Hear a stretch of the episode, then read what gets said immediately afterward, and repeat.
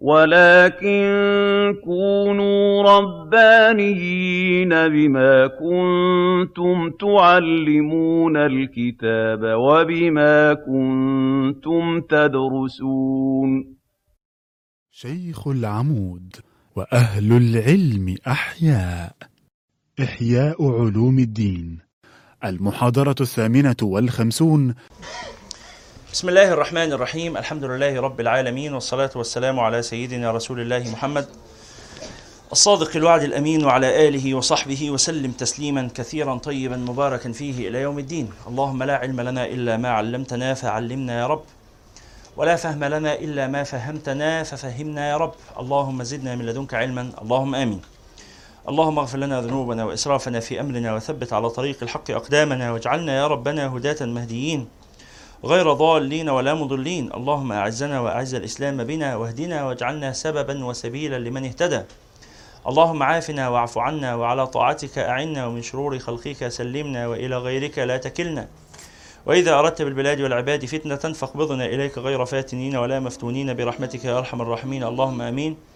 ثم أما بعد أهلا وسهلا بحضراتكم وحضراتكن هذا هو اللقاء الأول في قراءتنا لكتاب الحج. وهو اللقاء الثامن والخمسون في قراءتنا لكتب إحياء علوم الدين ونسأل الله تعالى أن يعلمنا في هذا اللقاء ما ينفعنا وأن ينفعنا بما علمنا وأن يزيدنا وإياكم من كرمه علما. اللهم آمين. قرأنا فيما سبق من اللقاءات والمجالس من قراءة هذا الكتاب. بدأنا بمقدمة للكتاب والإمام. الغزالي في ثلاث محاضرات ثم قرأنا كتاب العلم في خمس محاضرات ثم الكتاب الثاني كتاب قواعد العقائد وقرأناه في سبع محاضرات ثم الكتاب الثالث كتاب الطهارة في ست محاضرات والكتاب الرابع كتاب الصلاة في سبعة عشر محاضرة. وبعدين عملنا فاصل من أربع محاضرات في قراءة السيرة النبوية ملخص مختصر للسيرة النبوية اللي هو صدر في كتاب نبي الزمان. فجزاكم الله خيرا على هذه المجالس. وإن شاء الله يكتب ويعني كتبت لكم شكرا في أول الكتاب ويبقى يعني أجركم أجر من حضر هذه المجالس في ميزان الحسنات جاريا كلما قرأ إنسان هذا الكتاب إن شاء الله. ثم انتقلنا إلى كتاب الزكاة وقرأناه في آه كم محاضرة؟ كتاب الزكاة. كتاب الزكاة في عشر محاضرات. نعم. ثم كتاب الصيام وقرأناه في سبع محاضرات. يبقى كده كم كتاب؟ العلم والعقائد والطهارة والصلاة والصيام والزكاة والصيام. كده ست كتب. نبدأ النهاردة في الكتاب السابع من الربع الأول. الربع الأول فيه عشر كتب اللي هو ربع العبادات فيه عشر كتب. خلصنا منها سبعة وفضل لنا ثلاثة إن شاء الله. ونسأل الله تعالى الفتح والتيسير فيما بقي من آه هذا الكتاب المبارك. قال الشيخ الإمام محمد بن محمد بن محمد الغزالي حجة الإسلام رحمه الله تعالى في كتابه إحياء علوم الدين قال كتاب أسرار الحج. نسأل الله تعالى أن يبلغنا وإياكم حج بيته الحرام. قال بسم الله الرحمن الرحيم الحمد لله الذي جعل كلمة التوحيد لعباده حرزا وحصنا. وجعل البيت العتيق مثابة للناس وأمنا. وأكرمه بالنسبة إليه إلى نفسه تشريفا وتحصينا ومنا. وجعل زيارته والطواف به حجابا بين العبد وبين العذاب ومجنا. مجن يعني حماية. وكان مجني دون ما كنت أتقي ثلاث شخوص كاعبان وإيه؟ ومعصره. فالمجن اللي هو الحماية يعني. والصلاة على محمد النبي الرحمة وسيد الأمة صلى الله عليه وسلم. وعلى آله وصحبه قادة الحق وسادة الخلق. وسلم تسليما كثيرا. أما بعد. فإن الحج من بين أركان الإسلام ومبانيه عبادة العمر. وخاتم الأمر. وتمام الإسلام وكمال الدين. فيه أنزل الله عز وجل اليوم أكملت لكم دينكم وأتممت عليكم نعمتي ورضيت لكم الإسلام دينا. فالله تعالى أكمل الدين بهذه العبادة الشريفة. وفيه يعني في الحج قال صلى الله عليه وعلى آله وصحبه وسلم من مات ولم يحج فليمت إن شاء يهوديا وإن شاء نصرانيا. هذا حديث يعني لا يصح إسناده ولكن فيه زجر شديد. هذا حديث ضعيف. ولكن فيه زجر شديد. قال فأعظم عبادة فأعظم بعبادة يعدم الدين بفقدها الكمال. يعدم الدين بفقدها الكمال. يعني من لم يحج لا يكتمل دينه. طبعا من لم يحج وهو قادر. وسيأتي بيان هذا.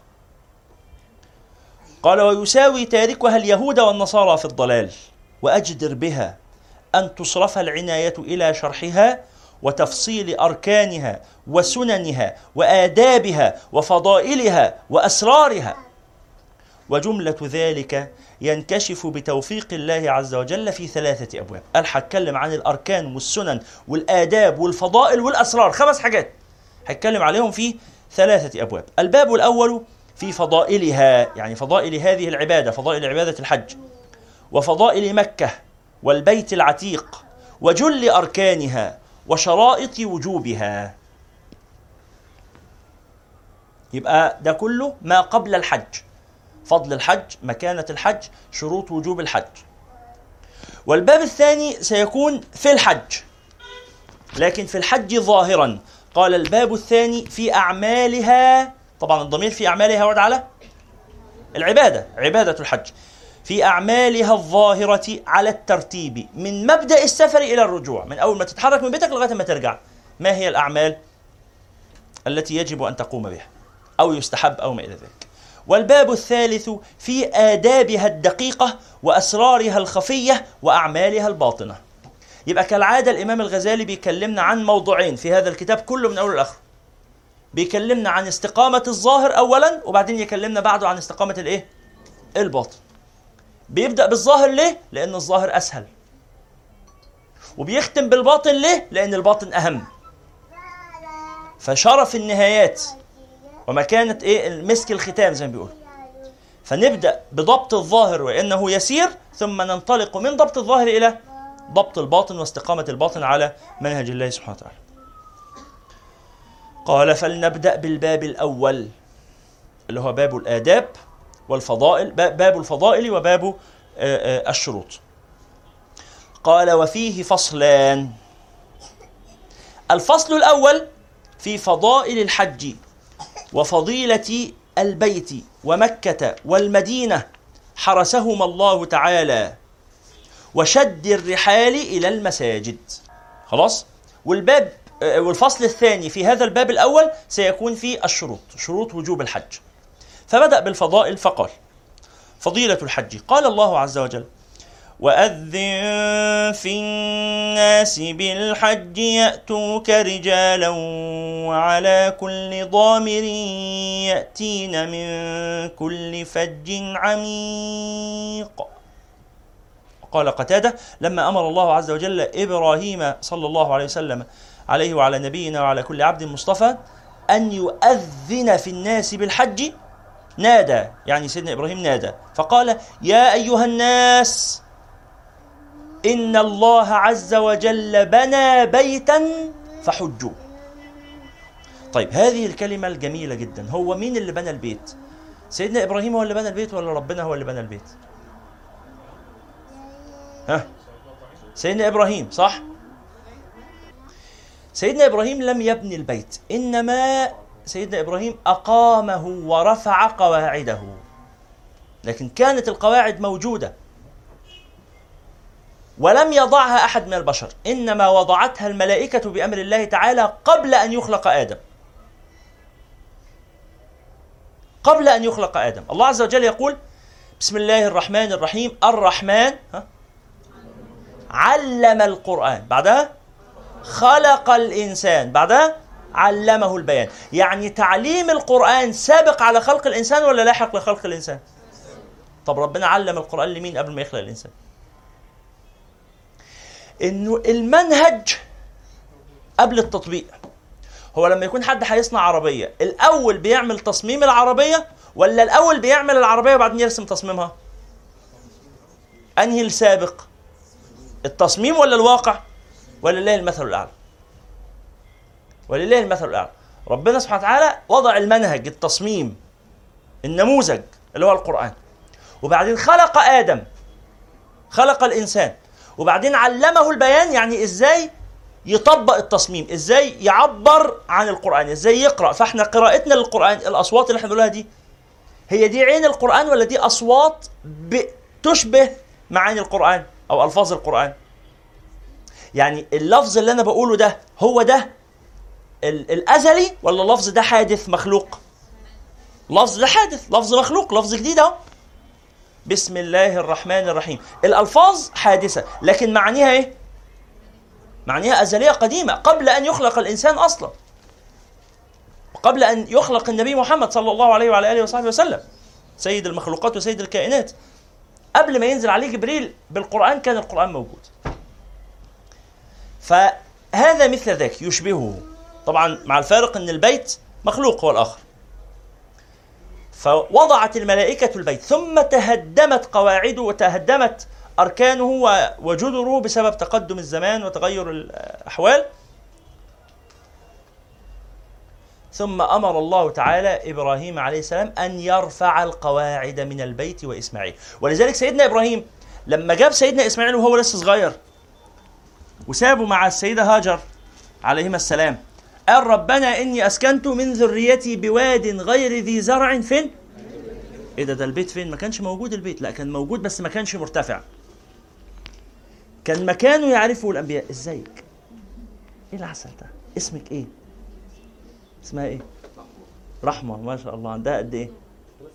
الله أكبر ربنا يرحمها ويرحمنا برحمته الواسعة أهلا وسهلا يا ميس رحمة اتفضلي استريح صليتوا على رسول الله يبقى إيه؟ عند بيتك المحرم معناها البيت المحرم كان موجود بس ما كانش مرتفع. نعم. وسيدنا إبراهيم لما رفع القواعد ما نسبش الأمر إلى نفسه بقى. وقال إني بنيت بيتا. لأن بناء البيت ده رحمة ولا فيه احتمالية عذاب؟ رحمة. فالأمور اللي فيها رحمة كلها بننسبها لله عز وجل. خلاص؟ وما رميت إذ رميت ولكن الله رمى. سيدنا الخضر لما بيفسر لسيدنا موسى قال له إيه؟ أما السفينة فكانت لمساكين يعملون في البحر ها؟ فأردت أن أعيبها. حاجة شر دي في عيب هيحصل. ما أقولش فأراد ربك أن يعيبها من باب الأدب رغم إن الإرادة إرادة الله ولا هو عمل بمزاجه. ما هو جه في الآخر قال وما فعلته عن أمري. ما دي إرادة الله وأمر الله. بس برغم إن ربنا أمر ما أقولش إيه؟ ما أقولش إن ربنا أراد العيب لا ده ربنا أراد الخير. تأدبا مع الله. فقال فأردت أن أعيبه. وكان وراءه ملك يأخذ كل سفينة غصبا. وأما الجدار فكان لغلامين يتيمين في المدينة وكان تحته كنز لهما. فأراد ربك أن يبلغ أشد آخر حاجة. لا الأول قبل الغلام كان فيه إيه؟ وقبل الجدار كان فيه الغلام. وأما الغلام فكان أبواه مؤمنين. فخشينا أن يرهقهما. طغيانا وكفرا. فأردنا ليه بيستخدم الضمير؟ الجمع. يضيف إيه يعني؟ الجمع هنا بيتكلم عن إيه؟ رب العزة سبحانه وتعالى وهو. صح؟ ليه است... لأن الموضوع فيه خير وشر. في ولد هيموت بس في ولد هيتولد. فلما اجتمع في الخير والشر حط الضمير الايه الجمع فقال فأردنا لكن آخر واحدة خالص دي ما فيهاش غير بناء جدار. حاجة خير أهي. ها؟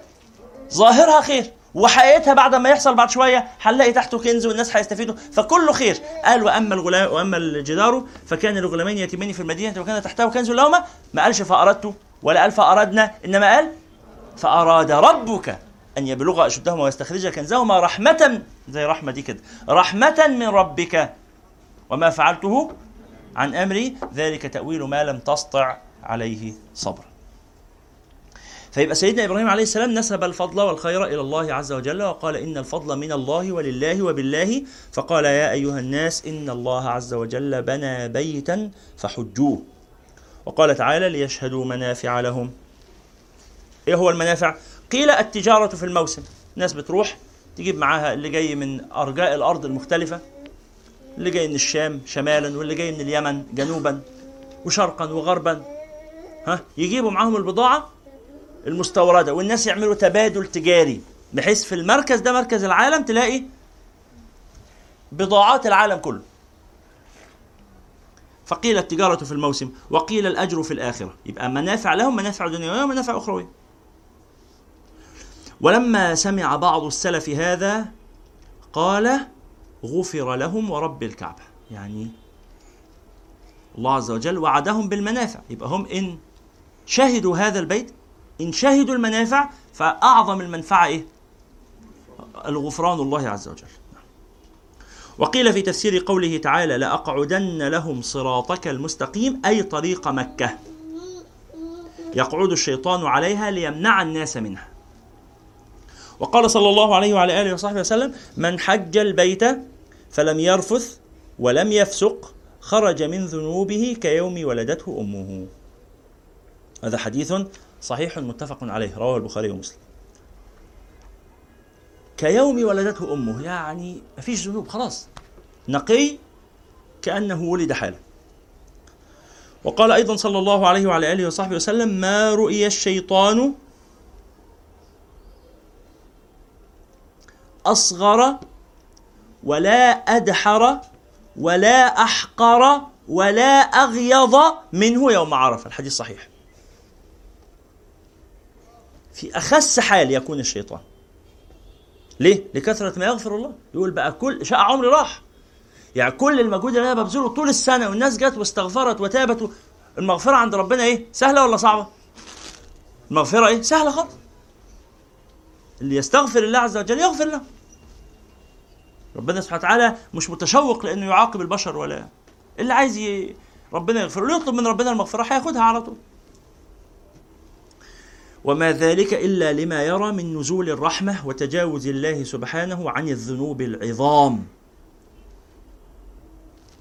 ولذلك في نفس المعنى ده كان في واحد في مصر ربنا يهديه كان صاحب كان مشهور يعني حد من بيسمي نفسه مثقف هو ليس من الثقافة في شيء بس بيسمي نفسه مثقف. بيقول أنا أعمل إيه أنا؟ وانشر الثقافة في مصر إزاي ده مصر ما فيهاش غير خمسين قصر ثقافة. وعلى الناحية التانية في ألف وخمسين في مية وخمسين ألف مسجد. شفتوا الموضوع؟ هو معتبر المسجد إيه؟ معادل الثقافة ومعتبر إن أصول الثقافة دي إيه؟ عكس المسجد وهي منارة العلم. رغم إن في الحقيقة عليكم السلام الحمد لله على السلام رغم إنه في الحقيقة قصر الثقافة ده المفروض ان هو إيه؟ منصة دعوية. صح؟ المفروض يعني إن ده مكان الناس تتعلم فيه دينها والناس تتعلم فيه ما يصلحها في أمر الدنيا وفي أمر الدين وفي كل الأمور مكان تعليم. فالناس تتعلم إيه؟ تتعلم أي حاجة فيها صلاح في الدنيا أو في الآخرة.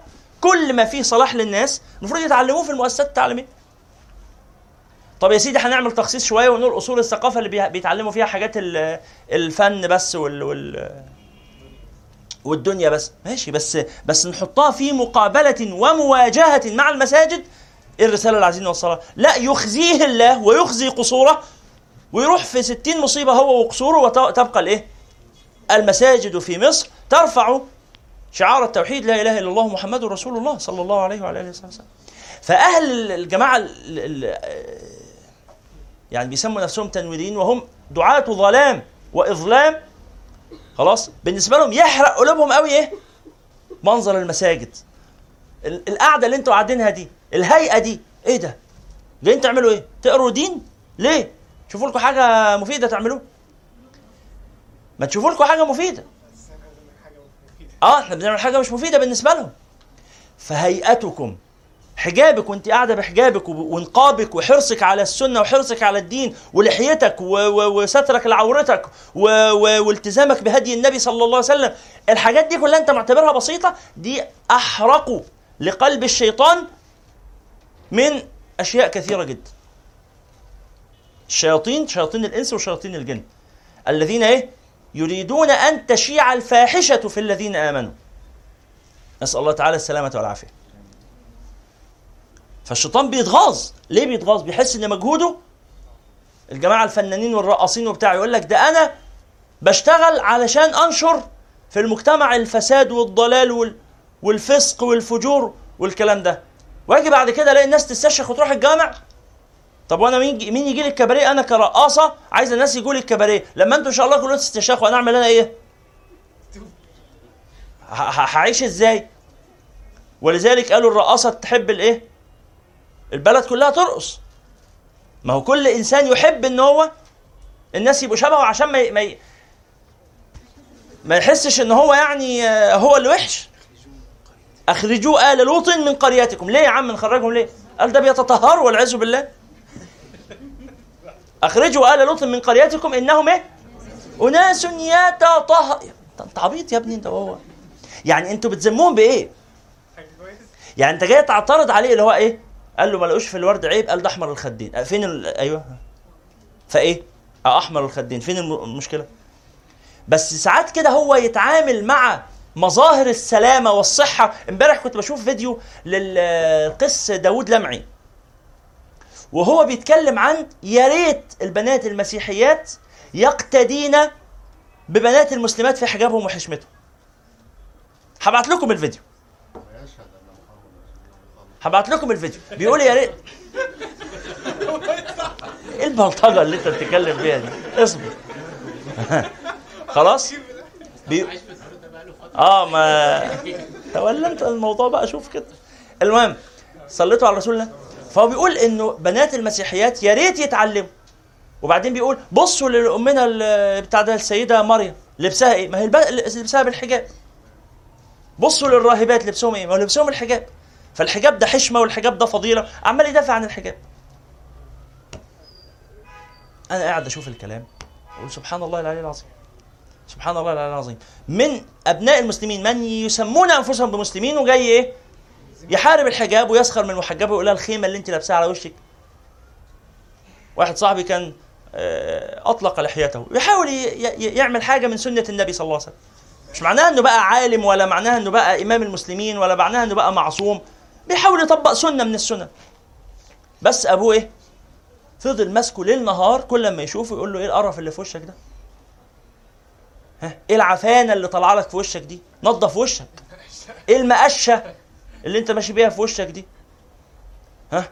كل ده عشان إيه؟ عشان بيحاول يعمل بسنة. ما قلناش إنها فرض ولا قلنا إنها أهم حاجة في الدين و... ولا حاجة غلط بنقول سنة من السنن. سنة من السنن. البنت لما تلبس الحجاب تلاقي معارضه من أهلها ومن مجتمعها ومن الناس اللي حواليها. انت ليه لابسة خمار؟ أصل الحجاب ما بقاش آه، مجرد طرح. ها؟ البسي الطرحه ماشي لكن خمار؟ أعوذ بالله. أعوذ بالله من الخمار. نقاب؟ أعوذ بالله. ما بحبهمش بتوع النقاب دول. لابسة خمار؟ لابسة نقاب؟ هتبطلي تلبسي بنطلونات؟ ليه يا بنتي مالها البنطلونات؟ دي أمها اللي بتقول لها كده. دي أمها. أصل إيه؟ أصل عيب إن البنت تبقى بتعدل على امها يعني هو أنت عايزة تقولي إنك أحسن مننا يعني؟ إن أنت عندك أخلاق وإحنا ما عندناش؟ ولذلك الراجل ده الملحن حسن أبو السعود أظن. حسن أبو السعود. بنته منتقبة. خلاص فعاملين معاه فيديو بيصوروا معاه في التلفزيون يقولوا له يعني بنتك منتقبة وكده. أنت إيه رأيك؟ قال يعني واحدة بتعمل خير وبتحتشم. أنا عشان بتاع رقص وبتاع هشك بشك. أخليها تمشي معايا في السكة بتاعتي. ما هي ربنا هدية يمكن تشفع لي. كان كلام جميل جدا نسأل الله تعالى أن يغفر له يعني ما, ما كان من ذنوبه. آه. وآخرون اعترفوا بذنوبهم. لعله إن شاء الله يا ربنا يعني يكون تاب وربنا تاب عليه. إن شاء الله. بس في الآخر شفتوا أنتوا الفيديو بتاع مصطفى بتاع آه آه اسمه حسني؟ لا التاني المغني بقى الحسني برضه. تامر. آه ما هو اي حسني في الموضوع. معلش أخونا مصطفى حسني طبعا أخ فاضل وحبيب. آه، وأخونا تامر حسني. وفي التلفزيون والمذيعة بتقول له أنت نفسك في إيه؟ قال مش هتصدقي. أنا نفسي ما أموتش على اللي أنا فيه ده. أنا نفسي حياتي تتعدل وأتوب. قال لها ما تناقشنيش. قالت له إزاي ده فن ورسالة؟ قال لها بس ما يعني يعني أنا مش حابب أناقش الموضوع ده. فن ورسالة؟ رسالة إحنا عارفين اللي فيها. كانت كلمة جميلة منه ربنا يكرمه يا رب. ولعل هذه الكلمة إن شاء الله الله يرزقه بها يعني توبة صادقة. يرزقه بها شفاعة النبي صلى الله عليه وسلم. إن هو يتوب إلى الله عز وجل ويخرج. ندعو ندعو بصدق وإخلاص أن يتوب الله عليه مما هو فيه. هو عارف. تفكر إن أهل العصيان يعني ده, ده اللي يستبيح المعصية ده يبقى كافر والعياذ بالله. كان في مصر في وقت من الأوقات كان عافانا الله وإياكم كانت الدعارة مقننة. كانت الداعر دي الفاجرة الزانية تروح تاخد إيه؟ رخصة من اسم الشرطة والرخصة بتتجدد كل ثلاث شهور تروح تاخد تطعيمات عشان يحافظوا على صحة النزلاء ويكشفوا عليها ويتأكدوا انه ما عندهاش أمراض معدية وبتاع وتاخد رخصة. ولو واحدة اتقبض عليها بتزني من غير ما يكون معاها الرخصة تتعاقب بتهمه مزاولة المهنة بدون ترخيص. عافانا الله وإياكم لما كانت مصر تحت الاحتلال الإنجليزي فكانت المرأة تروح الاسم تقول للراجل الظابط إيه؟ تقول له أنا عايز أشتغل في المقدر. فيفهم. يعني إيه عايز أشتغل في المقدر؟ ما مش هتروح تقول له أنا عايز أبقى زانية. أنا عايز أبقى فاسقة. أنا أو حتى اللفظ السوقي اللي بيستخدموه المصريين مش تروح تقول له كده؟ ها؟ الرقاصة لو اتقال لها يا رقاصة هتعتبر ده إيه؟ إهانة. وشتيمة. أنا فنانه أنا فنانة. تقولش رقاصة. فنانة بتعملي إيه يعني؟ يعني إيه طبيعة الفن اللي بتقدميه؟ ما هو رقص بس ما تعلش ما إيه؟ ما تقولش رقاص تفهم بقك. ما تقولهاش في وشي. آه. غريب. أنتوا معايا شايفين الملاحظة دي؟ ابن الرقاصة ده مسكين. مسكين. ما ذنبه ده؟ بس يعير بأمه. فيتقال له إيه؟ يا ابن الرقاص. دي شتيمة.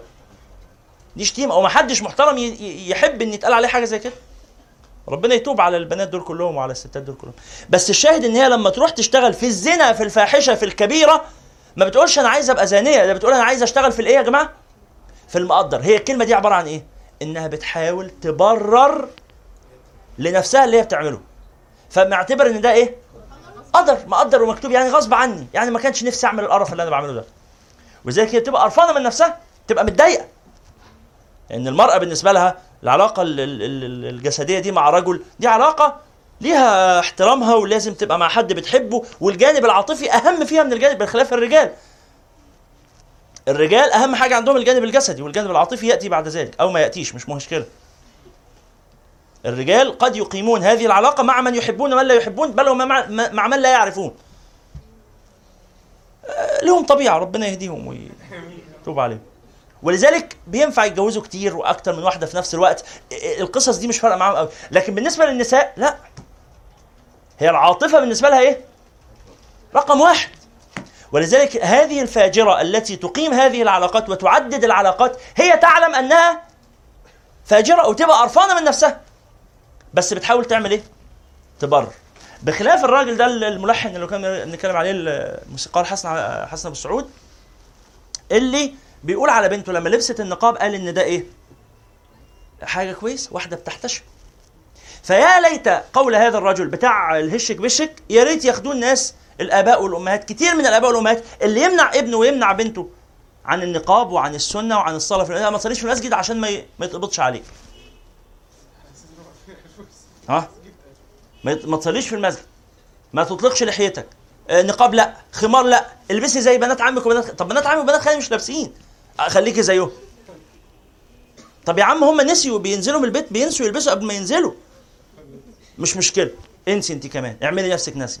طب مصر قوي تلبسي. واحدة أعرفها أمها وإخواتها البنات قرروا ما يحضروش فرحها. قالوا لها انت هتعرينا بالطرحة اللي حطها فوق راسك.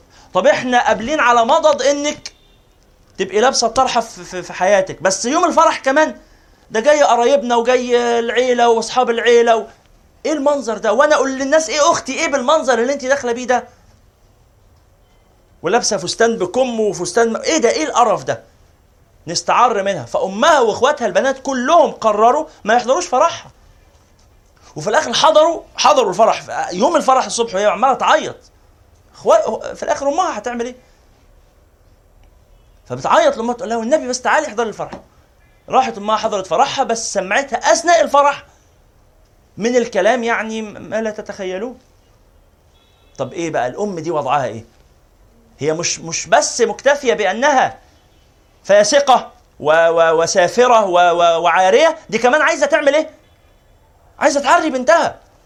وتجعل هذا ملمح من ملامح التحضر رغم إن ده بهيمية أصلا التعري ما الحيوانات ما البهائم عريانة. ده ربنا سبحانه وتعالى كرم الإنسان قال إيه؟ يا بني آدم قد أنزلنا عليكم لباسا يواري سوآتكم وريشة ولباس التقوى ذلك خير.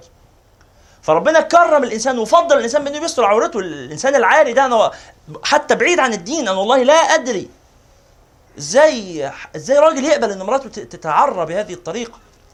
ولا المرأة نفسها إزاي تقبل على نفسها إن الناس ينظرون إلى عورتها؟ ولابسة ميكرو جيب ولابسة بتاع ورجليها باينة وظهرها باين إيه إيه ده؟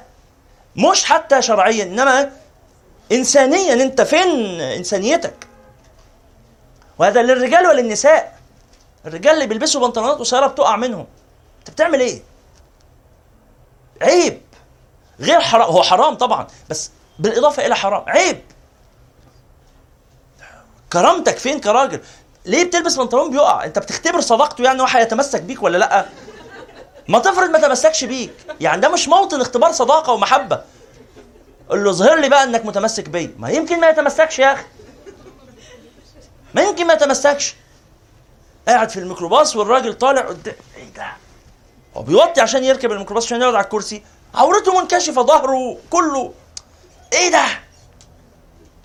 حاجة مثيرة للاشمئزاز صح ولا إيه؟ مثيرة للاشمئزاز. إيه يا عم أنت بتعمل كده ليه؟ قال اصل أنا البنطلونات الجينز اللي مش لاقي مش لاقي في السوق غير بنطلون حجر ضيق. يا سلام يا أخويا روح فصل يا أخويا. روح فصل بنطلون بحجر واسع وترفع البنطلون كده فوق سرتك وتشد الحزام ويبقى فوقيه تيشيرت.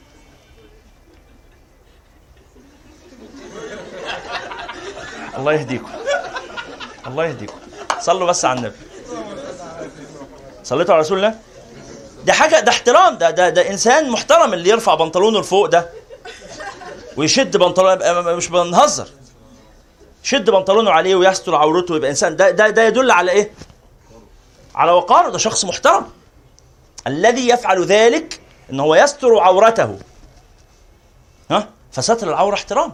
للراجل عشان كده بقول الكلام في ستر العورة للرجل والمرأة. للرجل والمرأة لابس جلابية. حلو لبس الجلابية بس مش لابس تحتها حاجة. قاعد في الجامع كده إيه في صلاة الجمعة وأعمل لي كده. وأنا قاعد أخطب قدامك واقف على المنبر ببقى عايز أنزل ألطشك بالقلم. طب أنت قاعد كده ليه؟ إيه المنظر ده؟ عورتك مكشوفة يا بهيم. طب أنا طبعا في وسط الخطبة ما أقدرش أقول له حاجة. بعمل إيه؟ ما هو في وشي. ها؟ أنت فاهمين المساله أنا بتكلم عن الرجالة كمان. عشان ما تتصوروش إن الكلام عن ستر العورة ده خاص بالنساء. لا الرجال والنساء. لابس جلابية. يا سيدي حلو لبس الجلابيات. بس البس تحتها بنطلون. ولذلك في في الأثر ها رحم الله المتسرولين منكم والمتسرولات. لبس البنطلون ده سنة حاجة جميلة للرجالة وللستات. تحت الهدوم. ها؟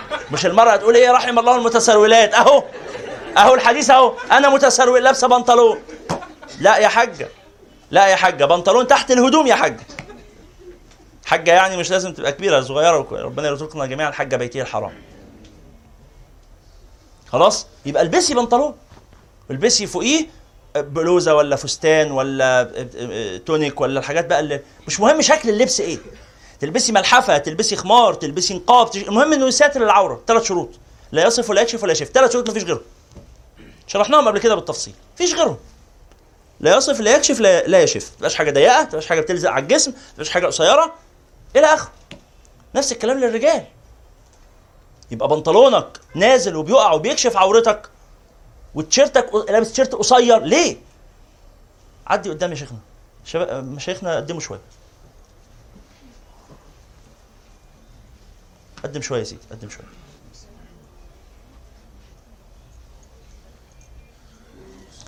يا أيها الذين آمنوا إذا قيل لكم تفسحوا في المجالس فافسحوا يفسح الله لكم. نسأل الله تعالى أن يفسح أو أن يفسح لنا جميعا في الدنيا والآخرة. يا رب. صليتوا على رسول الله؟ ولذلك من تتمة يعني الكلام في هذا الموضوع مسألة إن إيه؟ إن الراجل لو هيلبس قميص يبقى قميصه طالع من بره ما يحطوش جوه البنطلون إلا لو هيلبس فوقيه جاكيت. عشان ما يبقاش البنطلون شادد على جسمه وهو ساجد وهو راكع وهو بيتحرك وهو قاعد وإيه؟ مجسم عورته. لا. لا بنطلونك واسع وقميصك فوقيه من بره. هتدخل القميص من جوه يبقى تلبس الجاكيت. هتقلع الجاكيت يبقى القميص طالع من بره. تحافظ على احترامك. كنا لسه بنتكلم في درس الفقه اللي فات على مسألة الاحترام. الراجل ما يبقاش مهزأ. يبقى بيستر عورته. فالراجل اللي يكشف عورته ده لا ده عنده مشكلة. طب أصل غصب عني أصل ما باخدش بالي لا تاخد بالك بقى. تاخد بالك تروح تفصل هدوم مخصوصة تبحث والحقيقة يعني أنا مقدر المعاناة البحث عن البنطلون بنطلون جينز بحجر واسع بحجر يعني واسع أو إن هو يكون طبيعي شيء مجهود. أنا شخصيا لما بنزل أشتري هدوم أجد معاناة شديدة أقعد أدور. ليه؟ الموضة اللي نازلة كلها مقطع وضيق وليكرا أنا ألبس ليكرا ليه؟ ليه ألبس جينز بيلزق في جينز ليه؟ عشان يا عم عايز بنطلون رجال يعني رجال. قال لي ما هو ده الرجالي. لا أنا أنت مش فاهمني. أنا بتكلم على عايز بنطلون رجالي بجد. قال لي ما هو ده الرجالي اللي عندنا. وبنطلون هو تصميمه إن هو إيه؟ بيلزق في الجسم وإن هو حجره ضيق و... لا. الرجال لا يفعلون هذا. طبعا فضلا عن النساء فالحكم مشترك يعني. لكن اللي جاب السيرة إيه؟ فلما أنت تبقى هيئتك وسمتك وحالك وإنك من أهل الصلاة ومن أهل المسجد وتبقى أنت من آه، من أهل الفضل ومن أهل الأدب ومن أهل مجالس القرآن وبتتعلمي فقه وكده المنظر ده إيه؟ يثير قلوب شياطين الإنس والجن. ليه؟ مش عايزينكم كده. مش عايزينكم في الاستقامة إحنا عايزينكم في الإيه؟ أمال مين هيشتري حشيش مننا؟ طيب ده إحنا مستوردين كمية كبيرة. ده إحنا عندنا كمية حشيش كبيرة عايزين نروجها. لما أنتوا إن شاء الله كلكم تبطلوا مخدرات طب نبيع لمين؟ فانا عايز أنا كواحد تاجر مخدرات عايز إيه؟ عايز البلد كلها تشرب مخدرات. وأنا كراقصة عايز البلد كلها تتفرج على الرقص وال- والمسخرة. وأنا كبتاع اغاني عايز البلد كلها تسمع اغاني وهكذا. وهذا داخل في قول الله عز وجل إن الذين يحبون أن تشيع الفاحشة في الذين آمنوا لهم عذاب أليم في الدنيا والآخرة. خلاص؟ فإن كنت لسه مش قادر قوي تعمل الطاعات لما تلاقي حد ربنا يكرمه قدامك ويعمل طاعة اعمل إيه؟ شجعوا عليها شجعوا عليها ربنا سبحانه وتعالى مش ميسر لك إنك تلبسي خمار. صعب عليك. لسه بتلبسي طرح قصيرة وحاجات زي كده. أختك صاحبتك لبست خمار. شجعيها. قول لها ما شاء الله. مش تقول لها إيه ده؟ شكلك كان أحلى بالطرح القصيرة. وشكلك كان أحلى بالإسبانيش. وشكلك أحلى بشويه الشعر الباين باين. طلعي القصة كده عشان يبان لك شعرك أصفر. يا بت عايزين نجوزك. أنت بتعملي إيه هنا؟ أنت بتعمل إيه؟ مع صاحبك اللي بتحاول تقول له سيبك من طريق المساجد. خد السيجارة دي عشان تبقى راجل. تشيع الفاحشة في الذين آمنوا. إذا أنت مبتلى ربنا يعافيك. لكن على الأقل ما إيه؟ ما تنشرش ده. ربنا ابتلاك بشيء. استره خبيه. مش تجاهر بيه. فآدي حال الشيطان أهو. اللي بيتغاظ من كثرة ما يغفر الله تعالى للحجيج يقول النبي صلى الله عليه وعلى آله وصحبه وسلم ما رؤي الشيطان في يوم أصغر ولا أدحر ولا أحقر ولا أغيظ منه في يوم عرفة. غاظ زي صاحبنا بتاع أصول الثقافة ده اللي كل لما يسمع الأذان يحصل له إيه؟ يتغاظ. إيه ده, ده المساجد دي بتحاربني. نعمل إحنا إيه بقى؟ نرفع الأذان ونعلي صوتنا قوي بالأذان. ليه؟ زي ما سيدنا عمر كده لما كان بيعلي صوته في الصلاة وسألوا النبي صلى الله عليه وسلم لما ترفع صوتك قال يا رسول الله أوقظ الوسنان وأطرد الشيطان. الجماعة دول بيصلوا يبقى ما تصاحبهمش. الحمد لله. أخرجوا آل لوط من قريتكم إنهم ولذلك قلنا قبل كده أول حاجة تدافع بها عن نفسك في طريق الالتزام وطريق التقوى وطريق الاستقامة أول حاجة تدافع بها عن نفسك إيه؟ قبل ترك الصحبة أهم من ترك الصحبة مين فاكر؟ أول وسيلة دفاعية بتدافع بيها عن الحق عن الحق في نفسك أنت إيه؟ الدعوة. إيه ده؟ الدعوة دي هجوم مش دفاع. قال لك لا. الداعي لا يدعى. ما هو أفضل وسيلة للدفاع هي؟ الداعي لا يدعى. أنت ربنا كرمك. بتصلي في المسجد. حريص على صلاتك. ها؟ أول حاجة تعملها إيه؟ تقول لكل اللي حواليك. تتبنى قضية إن كل اللي حواليك إيه؟ يصلوا في المسجد. خدها قضية كده. وتدافع عنها وتدعو إليها. يلا يا جماعة نصلي في المسجد. يلا يا جماعة نصلي في المسجد. حتى لو ما جوش مش مهم. المهم إن أنت بلغت.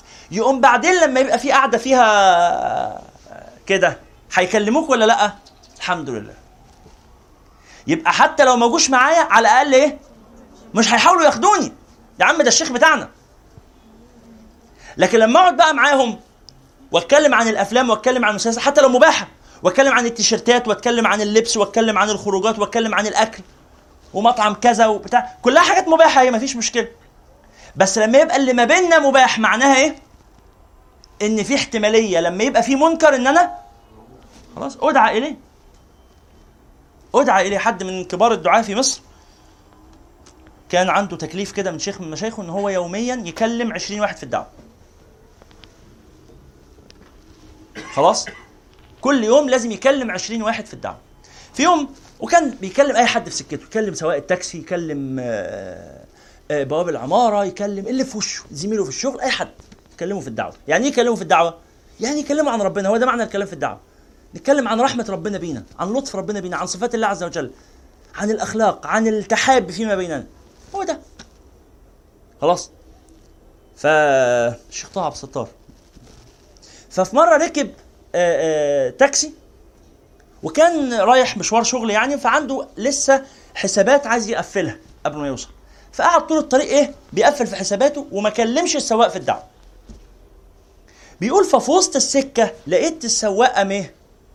طلع سيجارة وقال لي اتعفر يا شيخ. قلت آه. كده صح. كده صح. مظبوط. حقه. ليه حقه؟ ما أنا ما أنا ما اشتغلتش في الدعوه معناها إن أنا أبوابي مفتوحة. قال فعلمت دي رسالة. ده ده عقاب. أنا وصل بيا المهانة لدرجة إن أنا إيه؟ أدعى يتعزم عليا بسجارة. إزاي أنا اللي عملت كده في نفسي؟ فعمل إيه؟ قال لأ قفل بقى الورق ده كله ويلا بقى إيه؟ نبدأ الموضوع من الأول. نبدأ بقى كده ربنا يكرمك. أنت اسمك إيه وأنا اسمي إيه؟ الأول التعريف وبعدين الإيه؟ التأليف. التأليف وبعدين التعريف وبعدين التكليف. نبدأ بالتأليف. أنا اسمي وأنت اسمك وساكن فين ومنين وأنا منين وإيه؟ إيه ده ده أنا بلدياتكم في حد أعرفه ده أنا جيت بلدكم قبل كده. شوية المعلومات دي اللي نفك بيها إيه؟ الجليد. ال- ال- التأليف. وبعدين التعريف. يا صاحبي السجن أأرباب متفرقون خير أم الله الواحد القهار يا عم أنت في إيه وهم في إيه؟ ده أنتوا محبوسين. وأنت محبوس ظلم. وهم يومين وخارج ودول عالم كفرة أصلا. فأنت المفروض تقعد معاهم في السجن الكفرة دول إيه تبقى قرفان منهم كده وتعتزلهم. بتاع لا أعتزلهم ليه؟ عشان ربنا حاطين في وسطهم. عندي مهمة. بص كده الحوار اللي ما بين سيدنا يوسف وما بين أصحاب السجن. كم آية بيدعوهم وبيتعرف عليهم وبيكلمهم في الدعوة وكم آية بيجاوبهم على سؤالهم؟ قال لهم إجابة السؤال في الآخر. قال إيه؟ أما أحدكم فيسقي ربه خمرا واما الآخر فيشرب فيصلب فتاكل الراس من آه، ال- الطير من رأسه. قضي الأمر الذي فيه تستفتيان ده الموضوع. بس قبلها في كام آية يكلموا في دعوة ربنا سبحانه وتعالى؟ أرباب متفرقون خير أم الله الواحد القهار؟ ما تعبدون من دونه إلا أسماء سميتموها أنتم وآباؤكم. ما أنزل الله بها من سلطان. ده واحد يا جماعة القضية شغلاه. يبقى أول حاجة تدافع بيها عن نفسك الدعوة.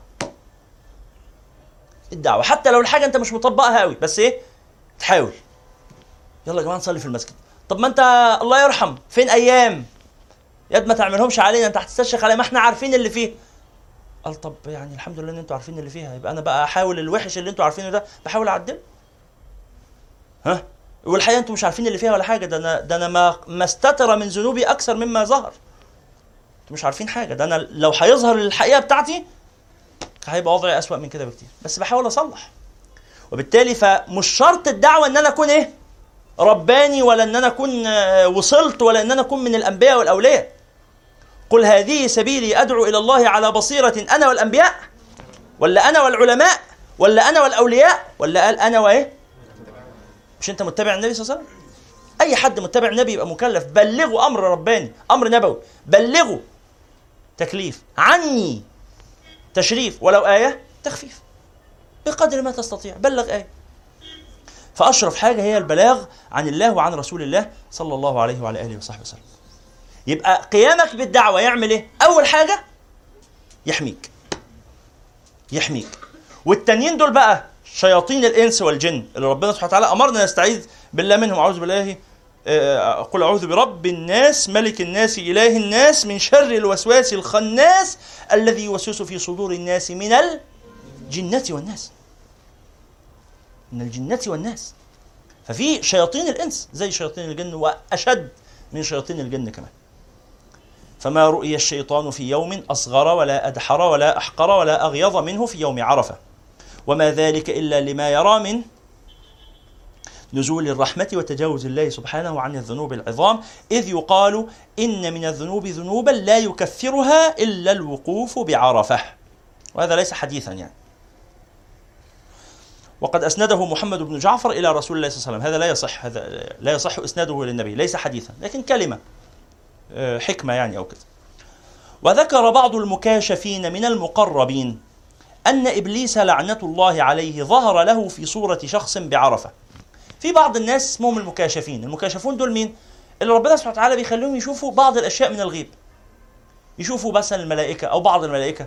يشوفوا بعض الشياطين والجن. زي ما حصل مع الصحابي سيدنا اللي كان بيحرس الغلال مين؟ سيدنا أبو هريرة لما كان بيحرس الغلال أو غلال الصدقة وجاله الشيطان. القصة المعروفة في الحديث في صحيح البخاري. فده عبد مكاشف. مش كل الصحابة شافوا الشيطان بس في شوية شافوه. خلاص؟ فاللي شافوه دول اسمهم المكاشفين. إن ربنا سبحانه وتعالى رفع شوية من الحجب. وبالمناسبة مش لازم المكاشف ده يبقى من الأولياء يعني. عادي ممكن إنسان عادي وربنا إيه؟ يرفع بعض الحجب فيشوف. ولذلك دايما بنقول لو شفتوا الشيطان أو الشياطين أو الجن أو كده ما تخافوش. لأن هو في الحقيقة هو بيخاف منك. فلو أنت خفت منه أنه كان رجال من الإنس يعوذون برجال من الجن فزادهم رهقا لو أنت خفت منه إيه؟ يستولي عليك ويأثر فيك ممكن حد شديد المعصية برضه؟ إيه؟ ممكن حد شديد المعصية حد شديد المعصية؟ آه ممكن جدا. ويرى الشياطين. فلما تشوف الشيطان أو الجن الصالح أو الملائكة أو نحو ذلك لما ترى هذه الأشياء اعمل إيه؟ رحب بيه اولا. ثم تجاهله. خلاص هو موجود في البيت حواليك عنده مصلحة بيعمل حاجة. سيبه يعمل اللي هو بيعمله وركز في شغلك. تركزش معاه. آه أهلا السلام عليكم. السلام عليكم أيها المؤمنون. خلاص.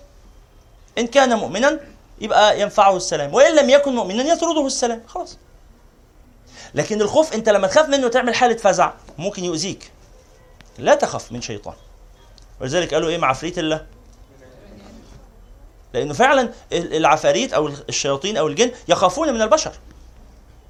يخافون من البشر. أنه كان رجال من الإنس يعوذون برجال من الجن فزادوهم رهقا لما أنت تظهر الخوف منه يعتدي عليك أو يزيدك يزيدك خوفا. لكن أنت لو من الأول مش فارق معاك خلاص لا يضرك. وإن كيد الشيطان كان إيه؟ ما يعرفش يعمل حاجة. ضعيف. ولذلك بقى قصة السحر وال وال وال والعين واللبس إيه، يقول لك الشيطان لابسه. يلبسه إزاي يعني؟ أصل الشيطان لابسه. كلام فارغ. أوهام إحنا عقلنا مصاب بالخرافات والأوهام و... على رأي الشيخ الغزالي الله يرحمه. يحسن إليه. يقول يعني هم الشياطين والعفاريت دول ما بيلبسوا ما يلبسوش حد غيرنا إحنا. ما بيروحوش يلبسوا حد في أوروبا ليه؟ يعني هم تخصص مسلمين. قال له عمري ما سمعت عن واحد أمريكاني اتلبس يعني. هم الشياطين بيركبونا إحنا بس ليه؟ أستاذنا الدكتور العوا يعني بيقول له يا مولانا عشان إحنا بس وطينا. هم بيركبوا اللي موت ده معنى صحيح؟ خلاص. فلكن تستهين بالشيطان ضعيف. إن كيد الشيطان كان ولا يفرق معك عندك قوة إيمان كده وقوة نفسية. موضوع بقى الحسد والعين والسحر والكلام ده كله هايف جدا وضعيف جدا. يندفع بإيه؟ قل هو الله أحد. قل أعوذ برب الفلق قل أعوذ برب الناس. خلص الموضوع. خلص. تقول لي بقى عندي عين عندي سحر عندي حسد عندي أصل أنا معمول لي عمل سفلي أصل أنا معقود لي على دي المعزه أصل أنا آه، آه، بتاع ده عقرب متحنط في الصحراء الشمالية. كلام فارغ. كلام فارغ. يتعمل لك سحر ماشي وارد. حله إيه؟ قل هو الله أحد. قل أعوذ برب الفلق قل أعوذ برب الناس. اتلغى السحر خلاص. طب بس أنا قلتهم ولسه حاسس بمشاكل. ده مش سحر بقى. دي مشاكل بقى. مشاكل نفسية مشاكل في شغلك. كلنا ما النبي عليه الصلاة والسلام كان بيجي له أوقات يبقى متضايق. هو أنت لما تتضايق شوية صح ولا لما الجواز يتأخر؟ أصلا كل ما يجي حد يتقدم لي يبص في وشي كأنه شاف عفريت. يعني اغسلي وشك كده وظبطي الموضوع وخلاص. موضوع بسيط يعني. آه ما تحطيش make up آه يعني بقى, بقى مثلا. ما هو معذور برضه. فخففي شوية الإيه الدهانات اللي أنت حطاها. يا ستي مش حاطة حاجة ووشك مقبول والناس كلها بتقول ما شاء الله وشك جميل بس هو شافك بشورة شيطان. ما خلاص. مش مكتوب لك مش مكتوبه له. لا يا عم الشيخ بس ده واحد واثنين وثلاثة وخمسة وعشرة. كل دول مش مكتوبين؟ آه إيه المشكلة يعني؟ كل دول مش مكتوبين. مش مكتوب لك الجواز طول ما أنت عايشة. إيه علاقة ده بالسحر؟ ما يمكن يكون ابتلائك ما ده ابتلاء. ما يمكن لو اتجوزتي الابتلاء يبقى أكبر. مين قال لك إن الجواز أحسن حاجة ليكي؟ ما يمكن لو اتجوزتي تقعي في مشاكل أكتر بكتير من المشاكل اللي أنت فيها من غير جواز. خلاص؟ فما تقوليش إن عدم الزواج ولا ولا أنت لما تتفصل من شغلك ولا بتاع إحنا يا جماعة مدين للشياطين وال- والعفاريت في حياتنا قوة كأنهم آلهة من دون الله. ما ما يعرفوش يعملوا حاجة ضعفة. ضعفة جدا. أنت إيه اللي يحصنك ثلاث صور بتقولهم في دقيقه في ثلاث دقائق في دقيقتين ثلاث دقائق قل هو الله أحد. قل اعوذ برب الفلق قل اعوذ برب الناس. النبي عليه الصلاه والسلام قال من قال حين يصبح وحين يمسي أعوذ بكلمات الله التامات من شر ما خلق لم يضره شيء. النبي قال لك لم يضره شيء تقول له لا معلش يا رسول الله بس السحر لسه ضررني. لا بقى ده أنت عندك مشاكل. في نفسك وفي عقلك وروح صلحها. خلاص؟ فالأوهام اللي إحنا بنعيشها بتاعه الحسد والمشكلة إن إحنا إيه؟ الحسد ده مخلينا مش عايشين. ها؟ داري؟ في ناس أعرفهم معلقين على باب البيت من جوه شنطة دواء كبيرة بحيث كل اللي خارج يشوف كمية الأدوية. في مثل مصري بيقول إيه؟ نحوا تصح. نحوا تصحوا النح النح اللي هو كثرة الشكوى. ده الظروف ده الأحوال ده الدنيا منيلة بستين نيلة ده. أهو ده اسمه النح. نحوا تصحوا يعني إيه؟ حياتكم تبقى كويسة. هو كده. فيبقى إيه؟ فيبقى هو في خير وفي نعمة بس إيه؟ عمال يظهر الشكوى. يظهر الشكوى ليه؟ عارفين كلمة بيخزي العين؟ سمعتوا المصطلح ده؟ بيخزي العين. مين قال لك إن اللي أنت بتعمله ده بيخزي العين؟ اللي عايز يحسدك هيحسدك. وبتلاقي البيت قايل للسقوط وعليه خرزه زرقاء هيحسدوك على إيه؟ ده البيت واخد 50 قرار إزالة. هيحسدوك على إيه؟ عربية مهكعة منيله ب 60 نيلة ومعلق فيها شبشب آه، عيل في, الشكمان ورا. ليه يا ابني كده؟ قال عشان ياخد العين والعربيه كلها ده هو اللي يشوف العربية بتاعتك انت تصعب عليه. ده يدوح- يديلك صدقة. وبعدين هو العين والكلام ده ما بينفعش ليه مع الناس مع العالم الأغنياء اللي معاه فلوس اللي معاه عربيات فخمة واللي معاه ملايين. مصر كلها بتحسد نجيب ساويرس وفلوسه بتزيد. يعني هو الحسد ما. والعيلة كلها هو نجيب. واسمه إيه؟ وسميح وس... كلهم. الله يرحم موتانا موتى المسلمين. بس يعني هو الحسد مش أنا مش بقول كده عشان تحسدوهم يعني. بس دي ناس إيه؟ ناس ناجحة وناس عاقلة وناس فاهمة. خلاص؟ معاها فلوس. ولا عيلة منصور ولا غيرها العائلات الكبيرة في مصر. ولا طلعت مصطفى. الملايين عندهم. ها؟ مطلوب ما انه إن هو إيه؟ يلبس مقطع ويعيش شحات ومش لاقي ياكل ليه يعني؟ ليه؟ بس هو الحسد ما بيجيش غير إيه؟ على العربية المهكعة بتاعتك والبيت اللي واخد قرار إزاله. فمحتاجين بس إن إحنا يعني ما شفناش الأغنياء متعلقين بالأساطير دي. لأن الأساطير دي متعلق بيها ليه؟ الفقراء فمرة تانية كيد الشيطان ضعيف. كي ده نص الآية القرآنية. فما نعلقش فشلنا على الجن والعفاريت والشياطين والحسد وال- والكلام ده كله. آه كل الكلام ده فعلا يحصل؟ كل الكلام ده آه مذكور في القرآن. إيه المشكلة يعني مذكور في القرآن؟ ما هو مذكور في القرآن إن هو ضعيف. هو مذكور في القرآن إنه قوي؟ ما هو مذكور في القرآن عشان إيه؟ عشان نمجده. هي أي حاجة مذكورة في القرآن نعمل لها تماثيل وتبقى بتحكم في حياتنا؟ آه مذكور في القرآن ماشي ما اعترضناش. بس مذكور في القرآن إن هو إيه؟ بس خلاص. نعم. طيب. فده ده الايه العبد المكاشف ده؟ ذكر بعض المكاشفين من المقربين أن إبليس لعنه الله أو لعنة الله عليه ظهر له في صورة شخص بعرفة. فإذا هو ناحل الجسم مصفر اللون باكي العين مقصوف الظهر. دي هيئة إبليس اللي شافها الرجل المكاشف ده. فقال له ما الذي أبكى عينك؟ قال خروج الحاج إليه بلا تجارة. ده اللي مبهدلني خالص. إنه خرج الحاج لا يبغي إلا إلا وجه الله لا يبغي إلا الحج بلا تجارة. أقول يعني ده الشيطان. هل قصدوه؟ أقول قد قصدوه.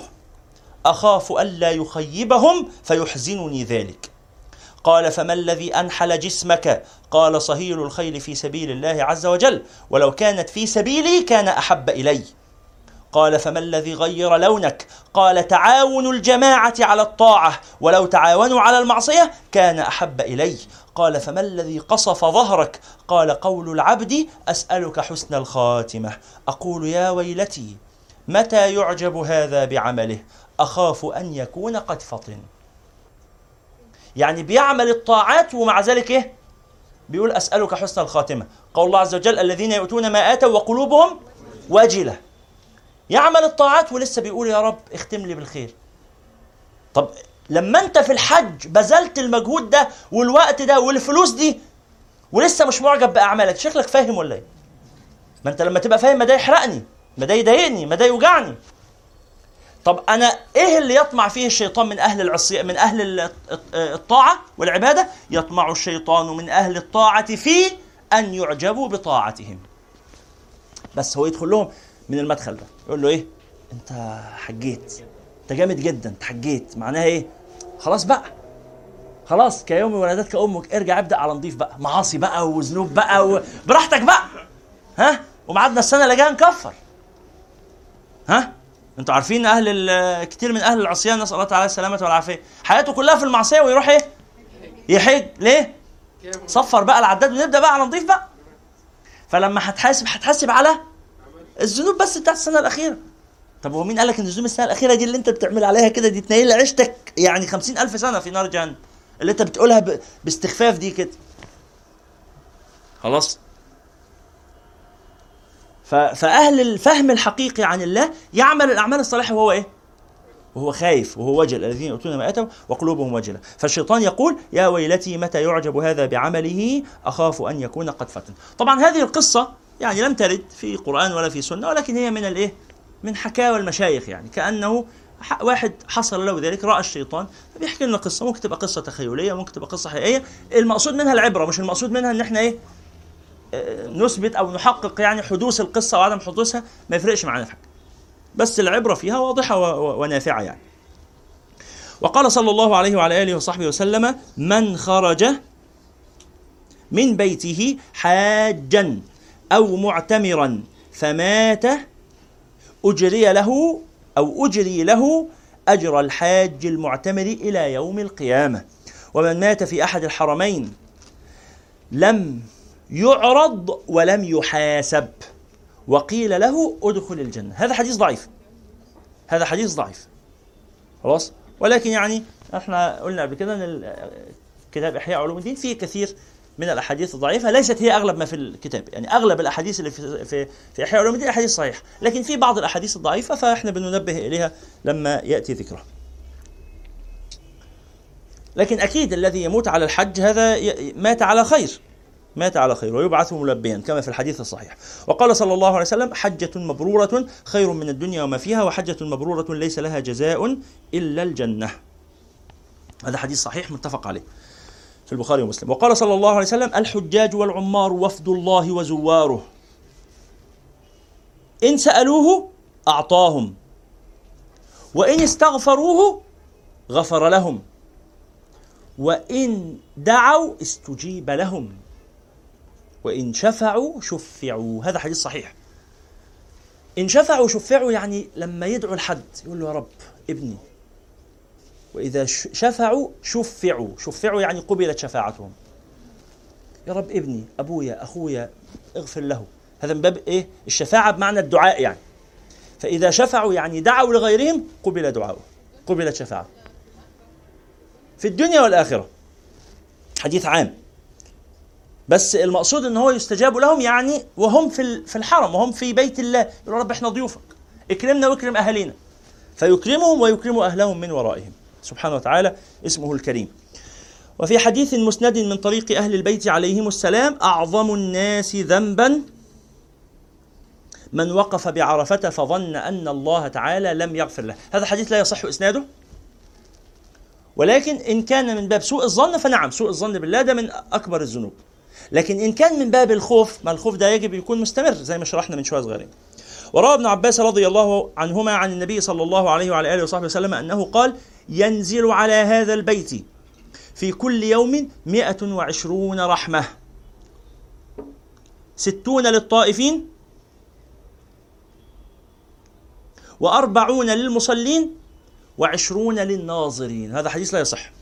ولكن معناه صحيح. معناه إن الرحمة ليست خاصة بالإيه؟ بالطائفين بل إيه؟ للطائفين والمصلين وحتى الناظرين. مجرد إنك تقعد في البيت بس. وهذا في كتاب الله عز وجل يقول الله إيه؟ ل- آه، أستغفر الله. ل- للناس سواء العاكف فيه والباد. أولها إيه؟ وأن طهر بيتي للطائفين والعاكفين والركع السجود. آية يعني آية أخرى فيها نفس المعنى. وإذ بوأنا لإبراهيم مكان البيت ألا تشرك به شيئا و وطهر بيتي للطائفين والعاكفين والركع السجود. والآية الثانية سواء العاكف فيه والبيت بتاعت الحج أولها إيه؟ وإذ جعلنا البيت مثابة للناس وأمن تاخذ من مقام إبراهيم وصلى لا لا استغفر الله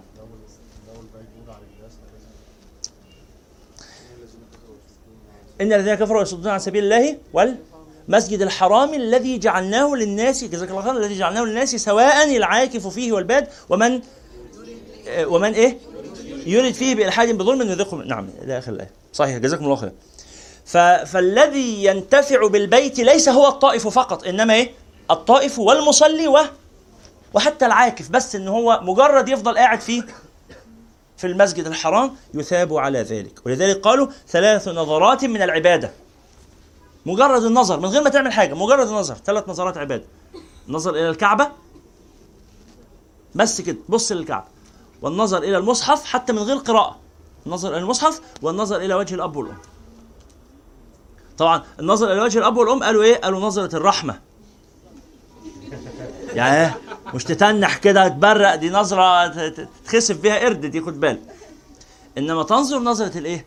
الرحمة تشوف أمك كده تعكسها إيه القمر ده؟ إيه الحلاوة دي؟ إيه إيه العسل ده؟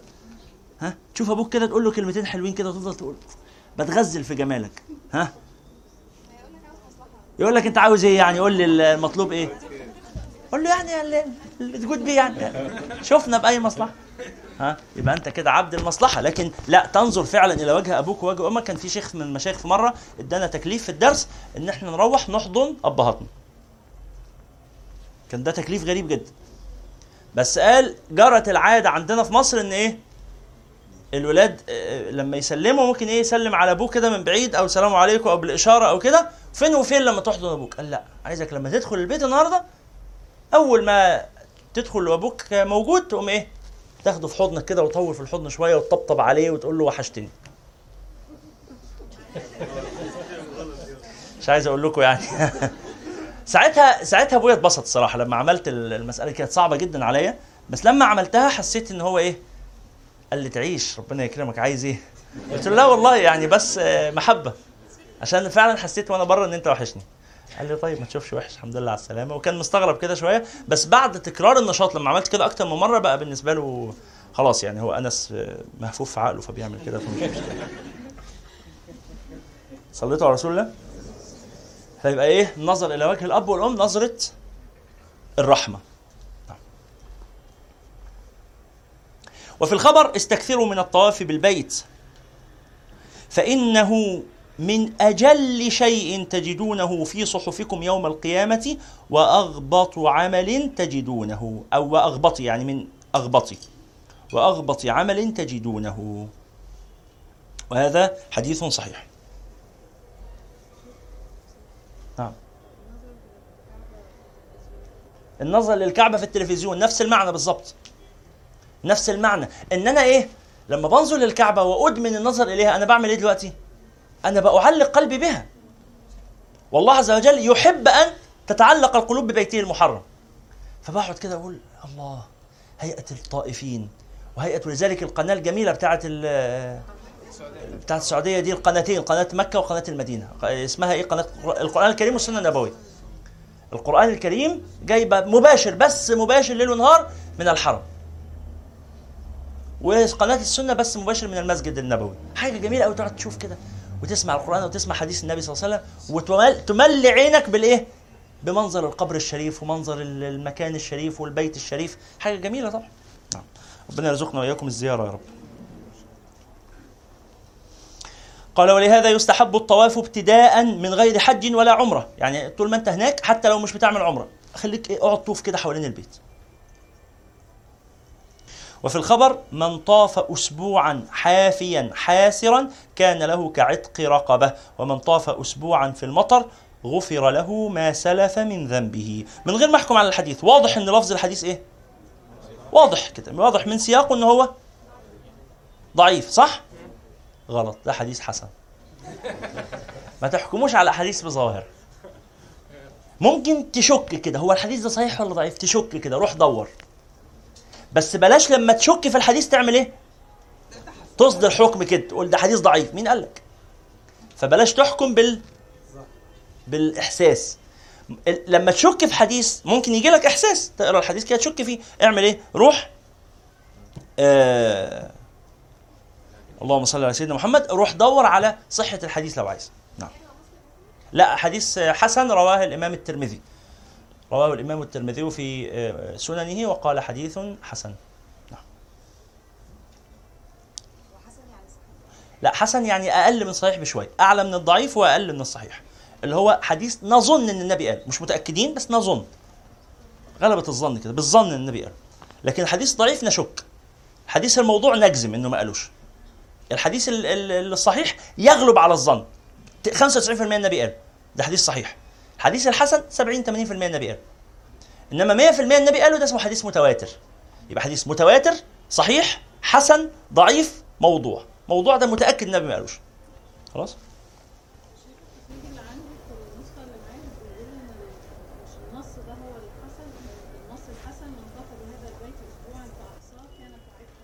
نعم. من طاف بهذا البيت أسبوعا فأحصاه كان كعتق رقبة. نعم. هذا اللفظ. مش من غير لفظ إيه؟ عرياء بتاع ده آه، ح- حافيا أو حاسرا ده. نعم. صحيح. وصلنا فين؟ ويقال إن الله عز وجل إذا غفر لعبد ذنبا في الموقف غفره لكل من أصابه في ذلك الموقف. يعني واحد عمل ذنب فر- استغفرت الله من هذا الذنب يقوم ربنا سبحانه وتعالى إيه؟ يغفره لك ويغفره له. لكل من فعله من الحاضرين معك. من الحاضرين في الموقف من باب إيه؟ عارف لما واحد يطلب استثناء فيقول له أنت وأصحابك اللي حواليك اديت لكم الاستثناء كلكم؟ لأنك طلبت بس أنت لما طلبت ما طلبتش للخصوص فاهمين المسألة دي؟ من باب الشفاعة التي سبقت معنا في حديث إذا إن شفعوا شفعوا نعم ده من باب ال- البشارة يعني لذلك قال يقال وقال بعض السلف إذا وافق يوم عرفة يوم جمعة غفر الله لكل أهل عرفة. برضه ده من البشارات يعني. وهو أفضل يوم في الدنيا وفيه حج رسول الله صلى الله عليه وسلم حجة الوداع وكان واقفا إذ نزل قوله عز وجل اليوم أكملت لكم دينكم وأتممت عليكم نعمتي ورضيت لكم الإسلام دينا. قال أهل الكتاب لو أنزلت هذه الآية علينا لجعلناها يوم عيد. ده ديننا كمل ده ديننا بقى ربنا راضي عنه. لجعلناها يوم عيد. فقال عمر رضي الله عنه أشهد لقد نزلت هذه الآية في يوم عيدين اثنين يوم عرفة ويوم جمعة. عيد أسبوع وعيد سنوي. يوم عرفة ويوم جمعة على رسول الله صلى الله عليه وسلم وهو واقف بعرفة وقال صلى الله عليه وسلم اللهم اغفر للحاج ولمن استغفر له الحاج. نعم. ولذلك نطلب من الإيه؟ الحجاج أن- أن يدعوا لنا. هذا حديث صحيح رواه الإمام مسلم. رواه الامام الحاكم على شرط مسلم. نعم. ويروى أن علي بن موفق حج عن رسول الله صلى الله عليه وسلم حججا. حج عن رسول الله يعني إيه؟ يعني حج عن نفسه الأول حجة الإسلام. وبعدين بعد كده حج ووهب ثواب حجته لرسول الله. قال الله قال اللهم هذه حجة عن نبيك يعني لنبيك يعني أهب ثوابها للنبي. من حبه للنبي صلى الله عليه وسلم نعم طب هو النبي محتاج؟ لا مش محتاج. بس أنا اللي محتاج. أنا اللي محتاج. محتاج إيه؟ محتاج شفاعته ومحتاج محبته ومحتاج قربه. ولذلك ربنا سبحانه وتعالى أمر المؤمنين لما يروحوا يناجوا النبي يجيبوا صدقة صح؟ يا أيها الذين آمنوا إذا ناجيتم الرسول فقدموا بين يدي نجواكم صدقة. ليه؟ هو الرسول محتاج؟ وسعوا الطريق يا جماعة. هو الرسول صلى الله عليه وسلم محتاج الصدقة؟ لا مش محتاجها. بس أنا اللي محتاج إن أنا إيه؟ أظهر المحبة. ولذلك ال- الهدية دي والصدقة دي من باب إظهار المحبة. خلاص؟ ولذلك الشيخ عماد عفت الله يرحمه لما قالوا له ليك ثلاث دعوات مستجابات تدعي بثلاث حاجات يحصلوا. الشيخ عماد عفت رحمه الله. فقال إيه؟ قال أول دعوة هقولها اللهم صل على سيدنا محمد. طب ما ربنا صلى عليه أنت يعني إن الله وملائكته يصلون. حتى ما قالش صلوا. قال إيه؟ يعني الفعل مستمر. استمرار. يصلون على النبي. فأنت لما تقول اللهم صل على سيدنا محمد ما هو كده كده ربنا بيصلي عليه. بس لأ ده أنت لما تصلي عليه مرة ربنا إيه؟ يصلي عليك عشر مرات. دي أعظم حاجة. وتاني دعوة قال آه، تاني دعوة اللهم صل على سيدنا محمد وعلى آله. طب وتالت دعوة؟ قال وتالت دعوة اللهم صل على سيدنا محمد وعلى آله. ليه؟ لأن مين المنتفع بالصلاة على النبي صلى الله عليه وسلم؟ أنت المنتفع. أنت المنتفع بالصلاة عليه صلى الله عليه وسلم. فهذا الرجل علي بن موفق حج عن رسول الله صلى الله عليه وسلم حججا. قال فرأيت رسول الله صلى الله عليه وسلم في المنام فقال لي يا ابن موفق حججت عني؟ قلت نعم. قال ولبيت عني؟ قلت نعم. قال فإني أكافئك بها يوم القيامة. النبي صلى الله عليه وسلم قال من أسدى إليكم معروفا فكافئوه. لما حد يعمل لك حاجة كويسة ردها المعروف بالمعروف هل جزاء الإحسان إلا الإحسان؟ قال له فإني أكافئك بها يوم القيامة. آخذ بيدك في الموقف فأدخلك الجنة والخلائق في كرب الحساب. هذا من البشارات. طبعا إحنا متفقين إن الرؤى المنامية ما بيعلقش عليها الأحكام الفقهية لكن هذا من البشارات. نعم. وقال مجاهد وغيره من العلماء إن الحجاج إذا قدموا مكة تلقتهم الملائكة فسلموا على ركبان الإبل وصافحوا ركبان الحمر واعتنقوا المشاة اعتناقا. اللي جاي راكب جمل ليه مواصلة مريحة شوية. فيقول لهم السلام عليكم. اللي جاي راكب حمار دي حاجة صعبة أصعب. لأن إيه؟ الحمار ما. مش. مش بسرعة الجمل و... ويمشي شوية ويقف كتير وممل ويعني عنده في مشاكل. وإن كانت الجلسة على ظهر الحمار أريح شوية. لكن إيه؟ مش لفترة طويلة. مش لفترة طويلة. ولا يصبر الحمار على ما يصبر عليه الجمل. أو الإبل يعني. لكن اللي جاي مشي ده بقى لا واعتنقوا المشاة اعتناقا.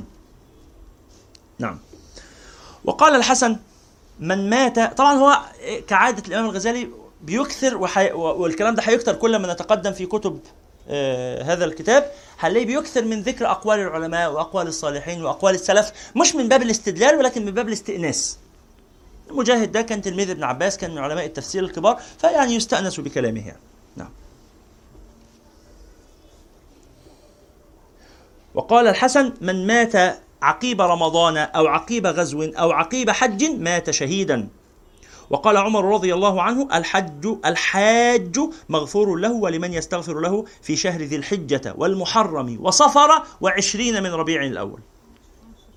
أو عشر من ربيع الأول. يعني لا أظن هذا تثبت نسبته لعمر. لا أظن. والله أعلم. وقد كان من سنة, من سنة السلف رضي الله عنهم أن يشيعوا الغزاة وأن يستقبلوا الحاج ويقبلوا بين أعينهم. تبصوا كده إيه على جبهته على رأسه يعني. ويقبلوا بين أعينهم و يسألوهم الدعاء. ويبادرون ذلك قبل أن يتدنسوا بالآثام. أول ما تعرف إن في واحد جه من الحج روح له بسرعة. وهو لسه جاي إيه؟ في روحانيات الحج كده وبتاع. قول له ادعي لنا معاك. طبعا يعني نسأل الله السلامة والعافية. في زماننا هذا أصبحت يعني إيه ملوثات ما بعد الحج والذنوب والمعاصي بتبدأ من هو في المطار هناك حتى مش المطار هنا.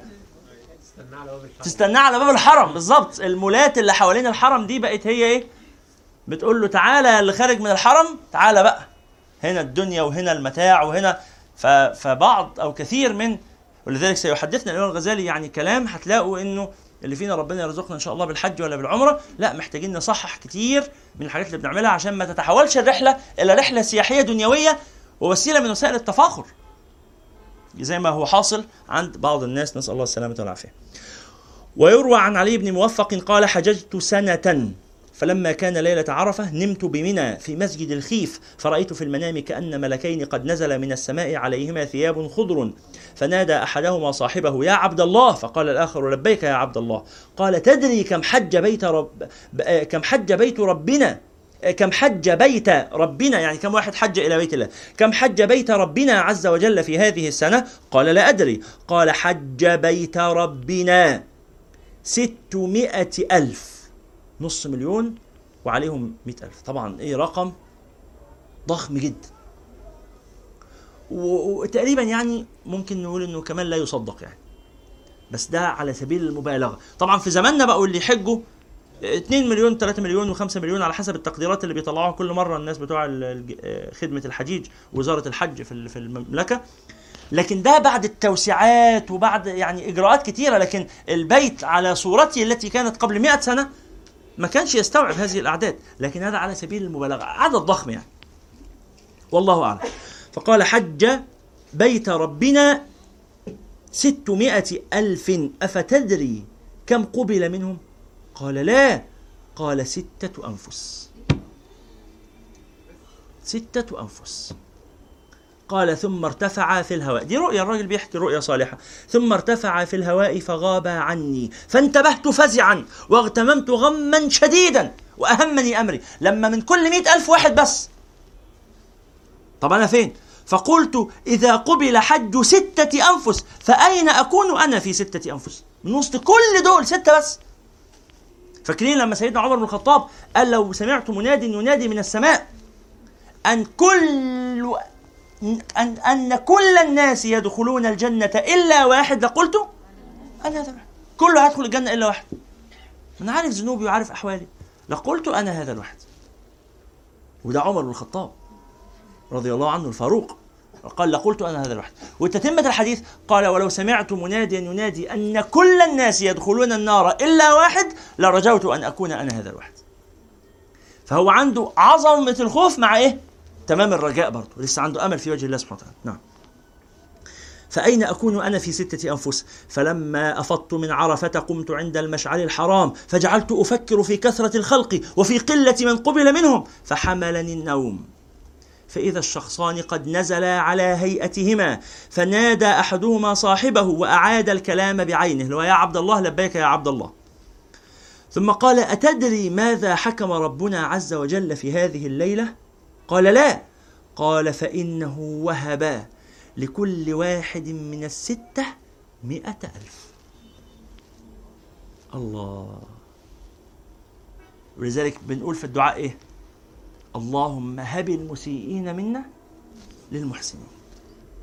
يعني يعني لعل في واحد محسن واحد. وربنا سبحانه وتعالى يقول له كل اللي قاعدين دول عشان خاطرك. المصريين قالوا لأجل الورد. ينسقي العلاق العلاق اللي هو ال- الجردل اللي أو السبت اللي أنت بتحط فيه ال- البتاع أو العلاق اللي هي النباتات اللي بتطلع في وسط الورد. الحشيش. ده كلمة علاق يعني ليها المعنيين دول. والمعنى الثاني أدق يعني. فأنت لو بتروح تسقي الورد ما بتسقيش الورد لوحده. المية اللي بينالها الورد ينالها كمان الإيه؟ العلاق اللي جنب الورد. وبالتالي أنت لو ما كنتش ورد على الأقل احرص إنك تكون إيه؟ علاق لازق في الورد. ها؟ مش في نهاية المجلس إن الله ملائكة الطوافين يبحثون عن حلق الذكر فإذا وجدوها قالوا تنا... تداعوا إلى غايتكم صح كده؟ ما جلس قوم في بيت من بيوت الله يتلون كتاب الله ويتدرسون بينهم إلا نزلت عليهم السكينة وغشيتهم الرحمة وحفتهم الملائكة وذكرهم الله تعالى في من عنده وقيل لهم في آخر مجلسهم قوموا مغفورا لكم قد بدلت سيئاتكم حسنات. فيقال يا رب إن فيهم عبدك فلان ليس منهم إنما جاء لحاجة. كان معدي يشتري كتاب ده كان واحد صاحبه قال له تعالى كده اما نشوف الجماعة دول نقعد معاهم شوية فقال من باب المرضية لصاحبه يجي. ما كانش قاصد يعني مجلس العلم. ما كانش قاصد حلقة الذكر. فربنا قال إيه؟ هم القوم لا يشقى جالسون مش هو قاعد في وسط الطيبين؟ طب أنا غفرت للطيبين وهو في وسطهم يعني ما غفرلوش؟ ليه يعني؟ مغفرة سهلة. المطر لما بينزل بإيه؟ يعم المتعرضين. يعم المتعرضين. أنا واقف كده المطر نازل. الراجل ده ما ظنت إن المطر ينزل عنده. أعمل إيه؟ أروح أقف جنبه كده. ام المطر لما ينزل ينزل عليه وآخد أنا منه شوية. الراجل اللي هناك ده ما ظنت إن السخط ينزل عليه. أعمل إيه؟ أهرب منه. لو نزل عليه السخط وأنا واقف جنبه ما يهلكني معاه يتسخط بيه الأرض وأنا معاه. لا أخاف فأسيبه وأجري. فأروح عند الناس اللي ما ظنت إن المطر والرحمة تتنزل عليه. هم القوم لا يشقى بهم جليسون ولذلك رب ربما الله عز وجل يكرم آلاف الخلق شوف هنا مئات الآلاف مئة ألف هدية ليه؟ إنسان واحد قال له أنت ما نزعلكش إحنا المسلمين عندنا الأمل في وجه الله عز وجل بشفاعة النبي صلى الله عليه وسلم إيه شفاعة النبي؟ إن الله عز وجل قال له في كتابه الكريم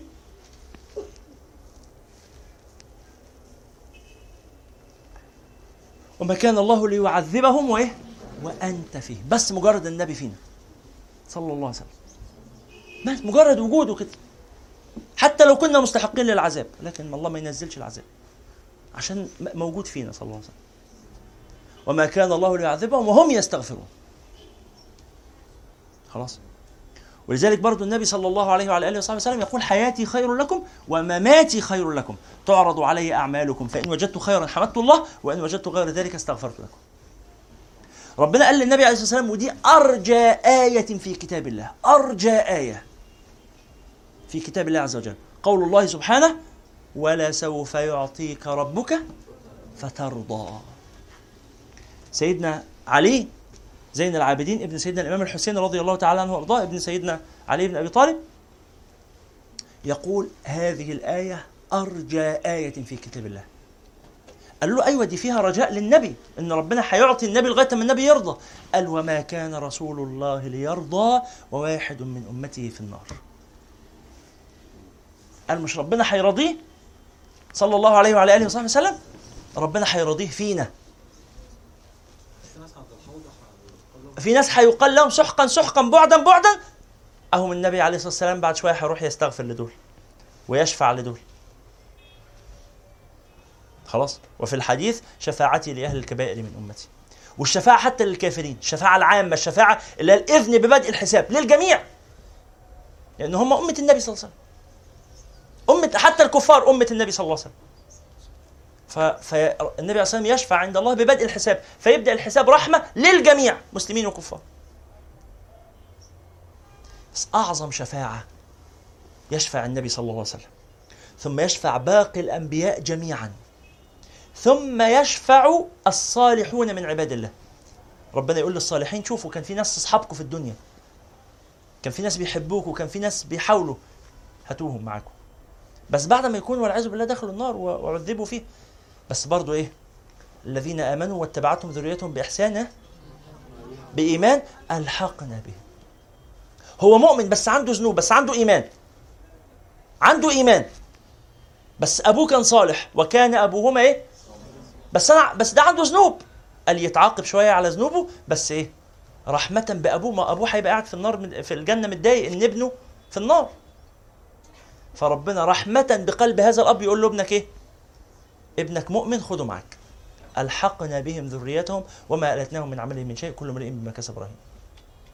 فيشفع عباد الله الصالحون. ثم يقول الله عز وجل شفع الأنبياء.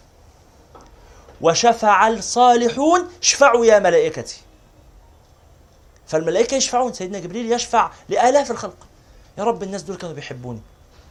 يا رب الناس دول كانوا أنا شفت من حالهم حال صالح. فيشفع الملائكة. ثم يقول الله سبحانه وتعالى شفع الأنبياء وشفع الصالحون وشفعت الملائكة وبقيت شفاعة رب العالمين. اخرجوا من النار من كان في قلبه مثقال ذرة من إيمان. مثقال ذرة. اللي بس مر عليه لحظة خشوع لله عز وجل. شوف مثقال الذرة ده. يعني النار دي اللي هيفضلوا قاعدين في النار دول ناس وضعهم صعب جدا. ده ما عندوش ذرة إيمان. الرجل الذي فعل الذنوب والمعاصي في بني إسرائيل لما أتت ساعة موته قال لأبنائه إذا أنا مت فأحرقوا جسدي. ثم خذوا الرماد فانثروه على رؤوس الجبال واطرحوه في الأنهار وال والبحار. فإن الله إن قدر علي ليعذبني عذابا لم يعذبه أحدا من العالمين. شوف حتى الكلمة قد إيه كلمة؟ خبيثة وسيئة الأدب. يقول أنا بحاول أهرب من ربنا ربنا لو قدر عليا هتعذب جامد. لا يعذبني عذابا لم يعذبه أحد من العالمين. فيموت فابنائه يعملوا فيه زي ما طلب. فيبعثه فيجمعه الله تعالى من رؤوس الجبال ومن المحيطات ومن الأنهار ومن البحار ثم يقيمه بين يديه فيقول له أي عبدي ما حملك على ما فعلت؟ أنت عملت كده ليه؟ يا عبدي ما حملك على ما فعلت؟ فيقول خشيتك يا ربي. كنت خايف. فيقول الله عز وجل وبها أغفر لك. خذوا عبدي إلى الجنة. طب ده رجل لم يعمل طاعة ابدا ما عندوش أي طاعة. بس عنده إيه؟ عنده اليقين في الله عز وجل. عنده الإيمان عنده قلبه في ربنا. قلبه في في خوف. فلعل بهذا الخوف الله تعالى يغفر له ويجبر ضعفه وي- ويعوض ذنوبه. فنسأل الله تعالى أن يغفر لنا. فشوف إيه؟ الدعاء الجميل. اللهم هب المسيئين منا. المحسنين كريم يا رب. ب ب ب بأفضل واحد فينا. اجعلنا كلنا إيه؟ معاه في صحبته. قال أتدري ماذا حكم ربنا عز وجل في هذه الليلة؟ قال لا. قال فإنه وهب لكل واحد من الستة مئة ألف. قال فانتبهت وبي من السرور ما يجل عن الوصف. يعني على الأقل إن أنا إيه؟ خلاص. رحمت. وعنه أيضا رضي الله عنه أنه قال حججت سنة فلما قضيت مناسكي تفكرت في من لا يقبل حجه فقلت اللهم إني قد وهبت حجتي وجعلتها ثوابا لمن لم تقبل حجته. قال فرأيت رب العزة في النوم جل جلاله. فقال لي يا علي تتسخى علي. وأنا خلقت السخاء والأسخياء. وأنا أجود الأجودين وأكرم الأكرمين وأحق بالجود والكرم من العالمين. قد وهبت كل من لم أقبل حجه لمن قبلته. قال في ناس أنا قبلت حجهم. والباقيين ملحقين. والباقيين ملحقين. ولذلك هم القوم لا يشقى بهم. نحسبهم إن شاء الله كذلك. ولا نزكيكم على الله. لعل واحد فينا واحد بيسمع البث المباشر واحد قاعد حتى يكون أول مرة يحضر بس قلبه في صدق في إخلاص لله عز وجل. لعل كلنا ربنا يقول طب أنتوا كلكم هدية للشخص ده. إن أنتوا بس قاعدين في صحبته. ويكون واحد ما بيننا إحنا مش عارفينه مختفي جاي لوحده وهيمشي لوحده ويروح لوحده. محدش عارفه. لكن الله تعالى يعلم صدق قلبه. فنسأل الله تعالى الإخلاص. نسأل الله تعالى الإخلاص. نسأل الله تعالى الإخلاص.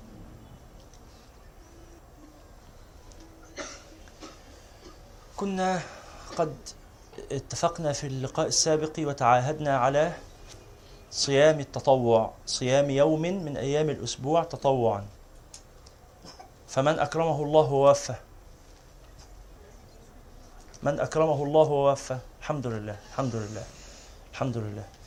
نتعاهد من باب التواصي وتواصوا بالحق وتواصوا بالصبر. نتعاهد ونتواصى خلال هذا الأسبوع أن إحنا في كل يوم نقول مئة مرة اللهم يا مثبت القلوب والأبصار ثبت قلبي على دينك. دعاء النبي صلى الله عليه وسلم. نلزم أنفسنا بهذا. كل يوم مئة مرة. تعد على صوابعك على السبحة على أي حاجة. من باب التواصي. من باب التواصي. دعاء النبي صلى الله عليه وسلم. اللهم يا مقلب القلوب والأبصار ثبت قلبي على دينك. كان النبي صلى الله عليه وسلم يكثر من هذا الدعاء. لأن إحنا ممكن تبقى في الطاعة وتبقى في الخير وتسلب. ربنا يعافينا وإياكم. الشيطان كان من أشد الناس عبادة. وسلب. نعوذ بالله من السلب بعد العطاء. ممكن الواحد يسلب بذنوبه. فنكرر إن شاء الله كل يوم يعني على مدار الأسبوع 700 مرة. طب لو في يوم نسيت ولا انشغلت ولا ما قلتهمش تعيدهم تاني يوم. يبقى اليوم اللي بعده تخليهم 200 تعوض من باب إنك لما تتفق على حاجة أو لما تلزم نفسك بحاجة أو لما تربي نفسك على حاجة كان الشيخ في الدرس أول امبارح بيقول لنا قال لنا كلمة جميلة قوي قال لو فاتك صلاة الفجر في المسجد وصحيت بعد الفجر بنص ساعة ولا بساعة انزل صلي في المسجد. طبعا هصلي لوحدي والمسجد ممكن يكون قفل صلي على باب المسجد. بس من باب إن إنك إيه؟ تعاهد نفسك وتربي نفسك. عشان تاني يوم لو صحيت كده من النوم ف... فنفسك قالت لك نام تقول لها إيه؟ تقول لها أنا حتى لو نمت هقوم حتى لو قمت الساعة 10 هنزل أصلي في المسجد برضه. هنزل طب ما كده كده في الآخر هنزل أصلي في المسجد. يبقى إيه؟ يبقى دلوقتي أحسن. فتلزم نفسك فإن شاء الله نتعاهد على هذا. من يعاهد على هذا؟ من يعاهد على هذا إن شاء الله يلتزم به من باب التواصي والنصيحة. من يعاهد على هذا إن شاء الله يلتزم به خلال الأسبوع كل يوم. إن الذين يع- يبايعونك إنما يبايعون الله يد الله فوق أيديهم فمن نكث فإنما ينكث على نفسه ومن أوفى بما عاهد عليه الله فسيؤتيه الله أجرا عظيما. جزاكم الله خيرا وجعلنا وإياكم من الثابتين على عهودهم. ونسأل الله تعالى أن يخلص نوايانا له. اللهم صل على سيدنا محمد في الأولين وصل على سيدنا محمد في الآخرين وصل على سيدنا محمد في الملأ الأعلى إلى يوم الدين. اللهم صل على سيدنا محمد صلاة ترضيك وترضيه وترضى بها عنا. اللهم صل على سيدنا محمد صلاة تغفر لنا بها ذنوبنا. وتستر علينا بها عيوبنا وتشفي بها مرضانا وترحم بها موتانا وترد بها غائبنا. اللهم اقض الدين عن المدينين واشف جراح المجروحين. اللهم اشف مرضانا ومرضى العالمين وارحم موتانا وموتى المسلمين واعلي بفضلك كلمتي الحق والدين. اللهم اجعلنا هداة مهديين غير ضالين ولا مضلين. اللهم اعزنا واعز الإسلام بنا واهدنا واجعلنا سببا وسبيلا لمن اهتدى. اللهم ارزقنا حج بيتك الحرام اللهم ارزقنا زيارة بيتك الحرام. اللهم ارزقنا زيارة مسجد نبيك العدنان. ارزقنا قبر نبيك العدنان. اللهم ارزقنا شفاعة النبي العدنان. اللهم ارزقنا شفاعة النبي العدنان. اللهم أوردنا حوض رسول الله واسقنا من يد رسول الله. واجعلنا من حزب رسول الله. واجعلنا من جند رسول الله. واجعلنا من آل رسول الله. واجعلنا من صحب رسول الله.